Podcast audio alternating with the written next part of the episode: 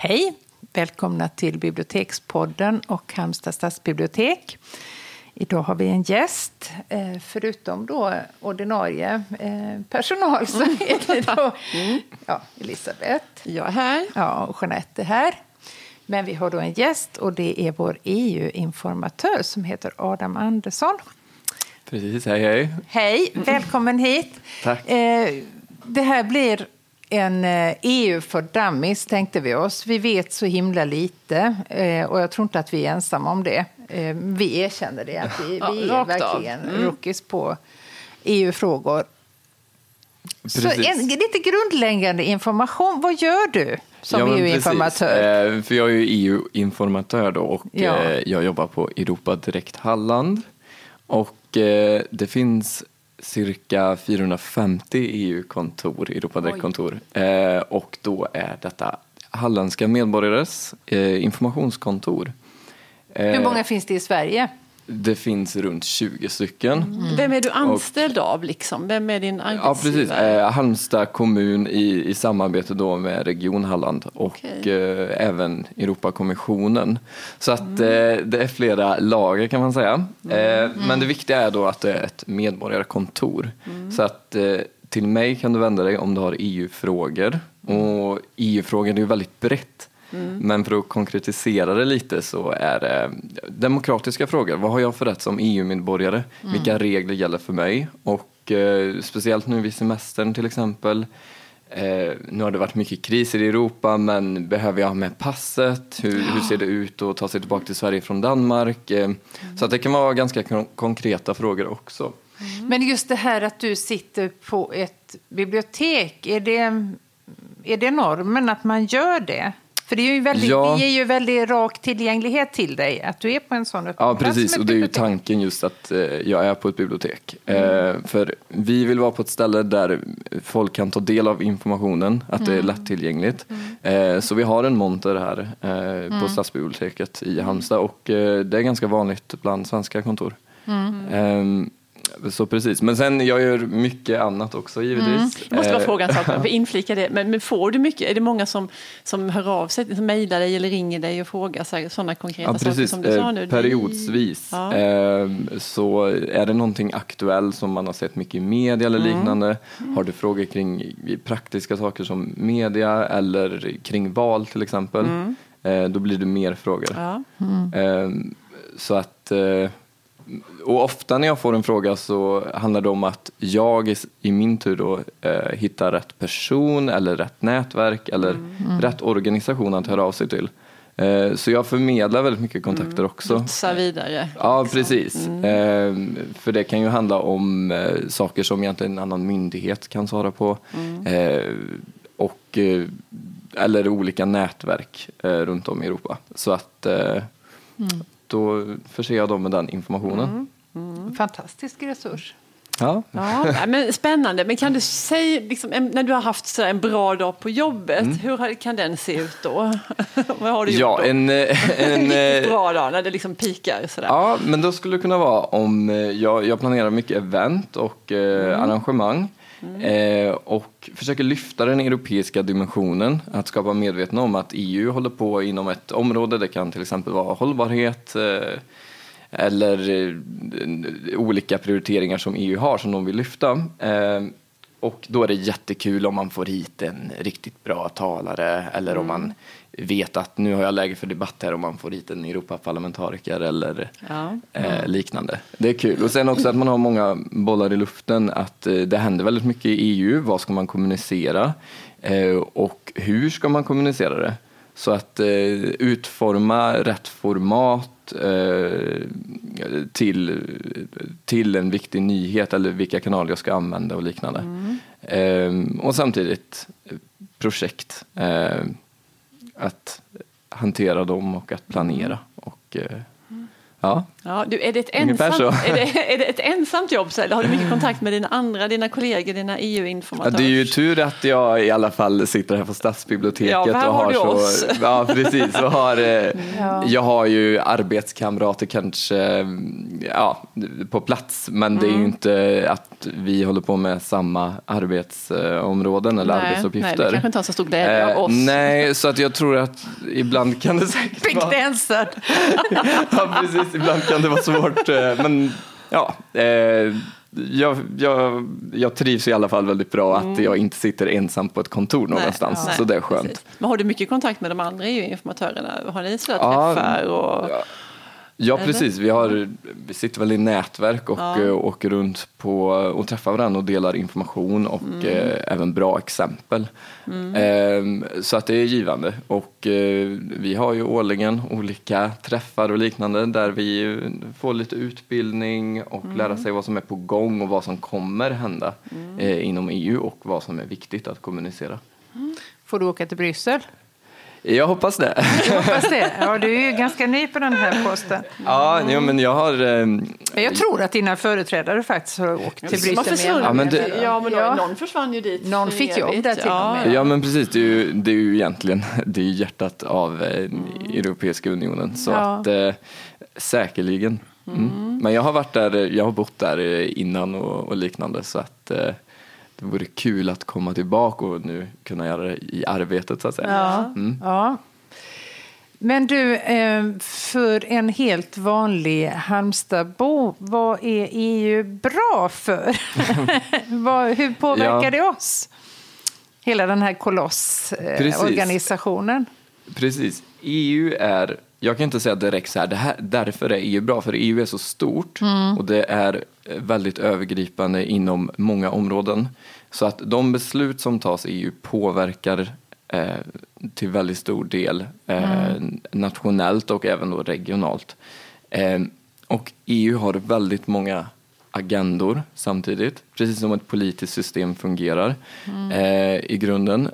Och vad vi har sett, själva huvudtanken var ju från början, eh, det var en kol och stålunion. Och de har ju faktiskt fått fredspriset. Eh, och, för man glömmer ofta bort huvudtanken eh, med EU om man kan benämna det som ett projekt. Att det är att skapa fred i Europa efter krigstiden. Eh, Fast var det inte också lite ganska starka ekonomiska bevekelsegrunder till... Ute på lite som det, ja, men- lite så. Men ja. Europa idag, all- alla policy som sker idag är givetvis ekonomiskt förankrande, att man ska Mm. generera eh, tillväxt. Och givetvis fanns det tänket redan från början. Var det inte så Men- att, Kina höll på att bli väldigt stort, USA och att, att Ja, man ka- lite... Kanske inte just kol och stålunionen, även om, för då var det viktigt om, om du binder, som huvudtanken var, att eh, knyta samman två stormakter, eh, innan som då Frankrike och, och Tyskland, eh, framförallt som har en väldigt eh, bråkig historia. Om du integrerar ekonomin bland två så stora makter och liknande, eh, så så ger det väldigt bra förutsättningar för att bibehålla freden. Eh, så att givetvis, och det är precis det du, du nämnde nu, att EU är så mycket. Så att man kan svara på eh, vad som är bra beror helt på vad du tänker på. Ekonomiskt sett så, eh, så finns det ju väldigt mycket olika opinioner. Det är klart att det har underlättat för företag eh, som i sin tur spiller över till, till medborgarna. Ehm, och sen så tror jag också att eh, om man tar ner det till eh, medborgarnas nivå och liknande, sättet eh, och möjligheterna som finns att resa i Europa eh, och att faktiskt vara i ett annat land. Och med vara i ett annat land menar jag att du kan arbeta och du har rätten till eh, de förmåner som eh, EU-medborgare har i, eh, i EU-länderna. Så att det är ju givetvis väldigt många fördelar om man är intresserad av att eh, kanske satsa på en utomlandskarriär i Europa. Det underlättar väldigt mycket. Eh, och sen så är det givetvis så EU som eh, supranationell aktör eh, som bestämmer väldigt mycket. Media är väldigt duktiga på att nu är det en ny EU-lag, det känner ni kanske igen och så blir det en stor rubrik kring det.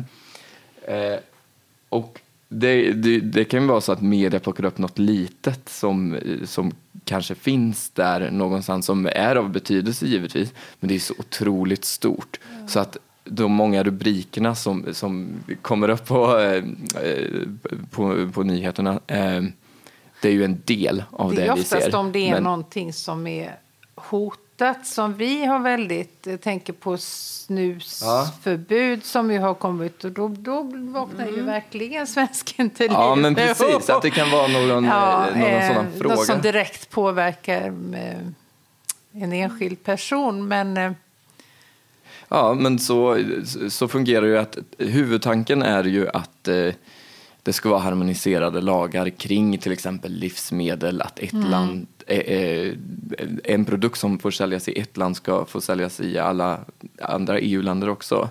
att man har Och- en lägsta nivå på något sätt på... eh, Ja men precis. Ehm, Det kan vara en lägsta nivå eller att det kan vara att vissa länder, så som Sverige då, som fortfarande säljer snus, Mm. det har ju varit, då har de ju skapat ett undantag Ja. eh, till Men det här. kommer det att fortgå i all evighet eller hur på sikt? Jag tror inte du behöver vara orolig för snusen. Det kan inte personligen, nej, men... det, nej, nej, precis. Eh, det, det kommer inte vara så att det blir ett tvärstopp på, Nej. eh, på snus. Eh, jag kan givetvis inte säga vad som händer i framtiden, men eh, det, det är inte någon debatt förutom i, i Sverige kanske. Nej. Men om vi lämnar det lite, så, Ja. för nu när vi sitter här och spelar in det här poddavsnittet så, så är det snart det här valet i Storbritannien Ja, om precis. huruvida det här Brexit, ska Storbritannien lämna EU eller inte? Och när, vi, när vi sitter här och pratar så är detta ännu inte avgjort, så vi vet inte det. Men kan Nej. du säga något om det? Liksom hur, hur, är det ja, vad händer om, om Storbritannien lämnar? Är det ens möjligt för dem att göra det? Ja, det är väldigt svårt att spekulera i, Ja. eh, i folkomröstningens resultat och sen effekter av resultatet. Eh, Men det finns två starka opinioner i Storbritannien. Och eh, egentligen hela debatten, Storbritannien har ju då velat haft en folkomröstning och eh, David Cameron som gick till val eh, 2015 eh, hade då ett löfte att det kommer ske. Och då ser vi det nu den 23 eh, juni och eh, ja, det finns två väldigt eh, polariserade åsikter Ja. kring folkomröstningen. Och det som har skapat debatten är att Storbritannien Eh, de vill vara självständiga och att sina beslut eh, som tas som påverkar eh, lagstiftningen i Storbritannien ska också tas i Storbritannien. Det är en sida av debatten att det är viktigt att ha den eh, självbestämmande rätten. Och eh, å andra sidan så har du i nästan samma diskurs om man pratar så, eh, så har du de som säger att skulle det vara någonting att, att vi går ut så måste vi ändå ha många regler och då tas den rätten att bestämma bort för vi måste ändå acceptera. Inflytande Precis, precis. Men det är jättesvårt att spekulera givetvis. Men, Men det är så vad- debatten bland annat har skett. Sen är det också frågor kring, kring migration eh, som också har skapat det här. Eh, och det finns också två sidor som menar att eh, ökade arbetsmigration från eh, EU-länder som säger att den klassiska, de tar våra jobb som är den ena sidan och att det blir svårare. Och den andra sidan menar eh, kanske mer att de kommer hit, arbetar, betalar skatt och bidrar till välfärd.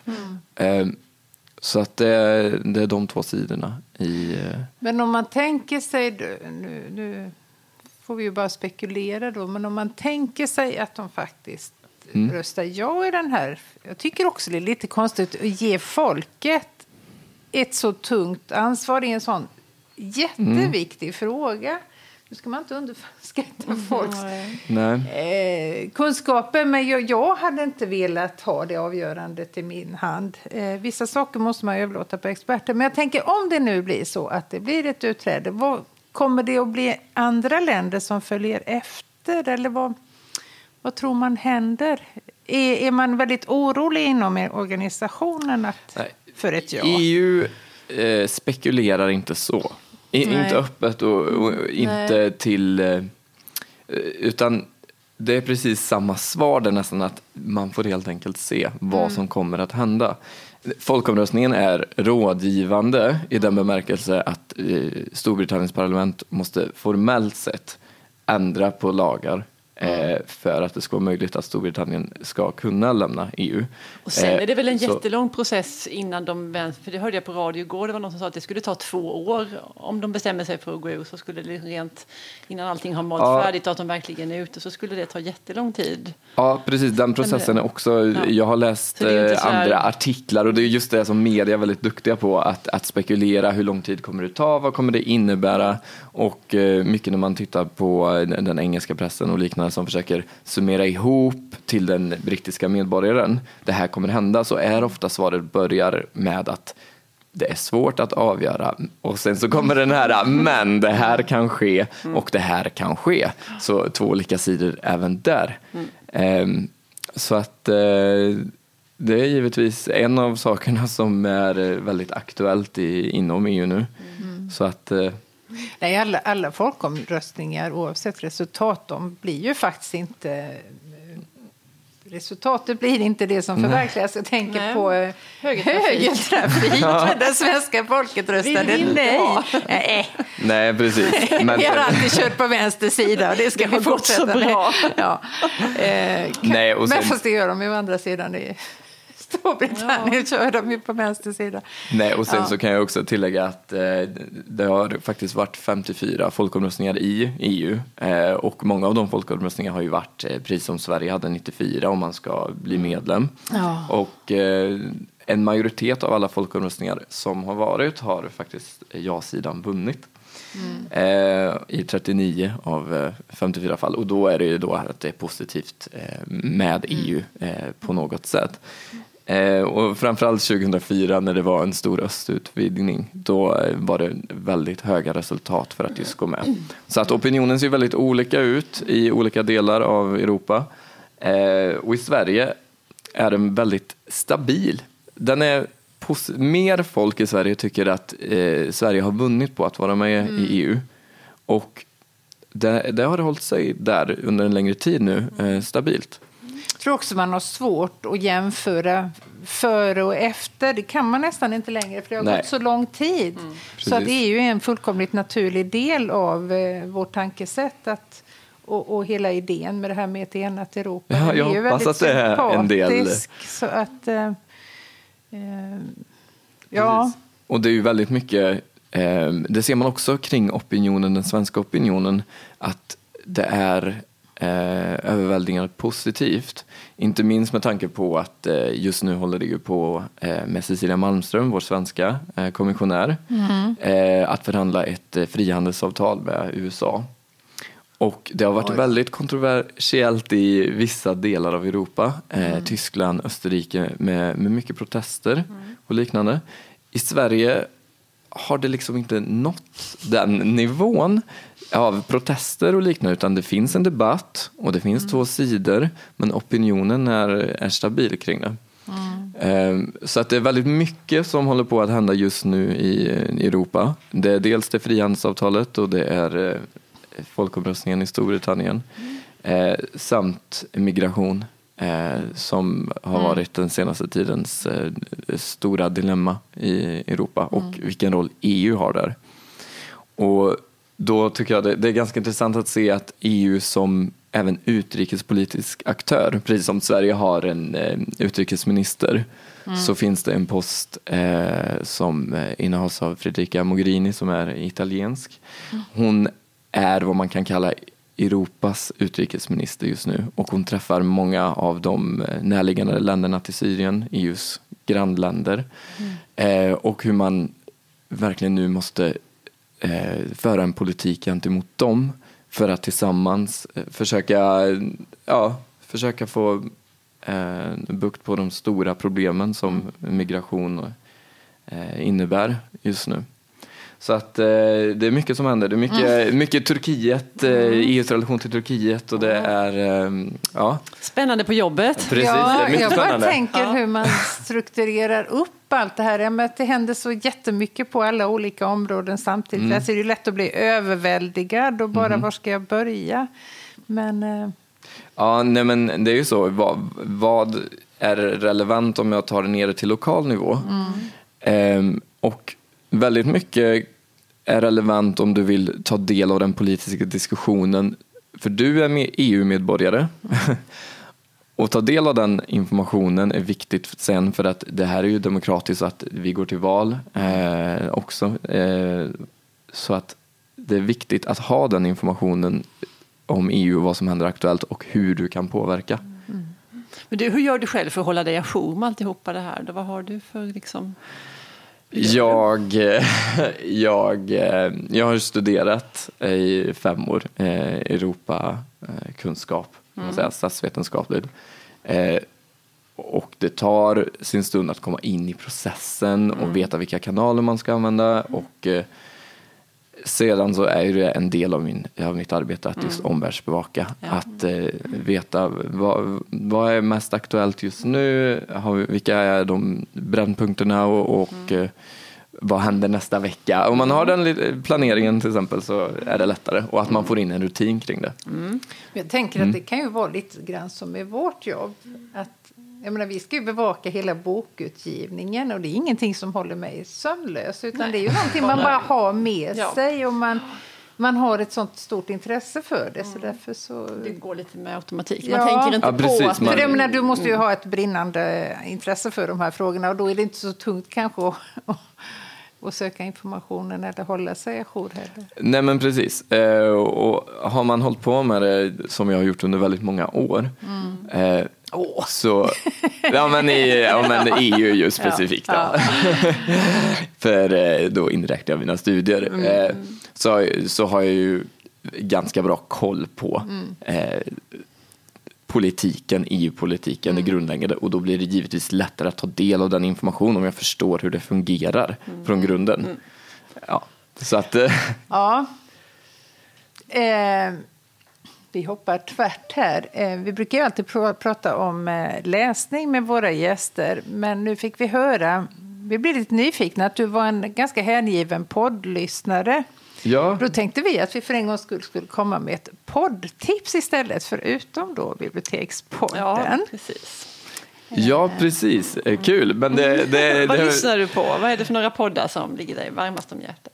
Jag tycker om eh, poddar som är dokumentära, som handlar om ett ämne som gärna får vara på riktigt. Det behöver inte vara politik eller det behöver inte handla, utan någonting som jag verkligen kan sätta mig in i. Mm. Och det beror väldigt mycket på vem som pratar. Men det finns en podd som heter eh, Allt du vill veta.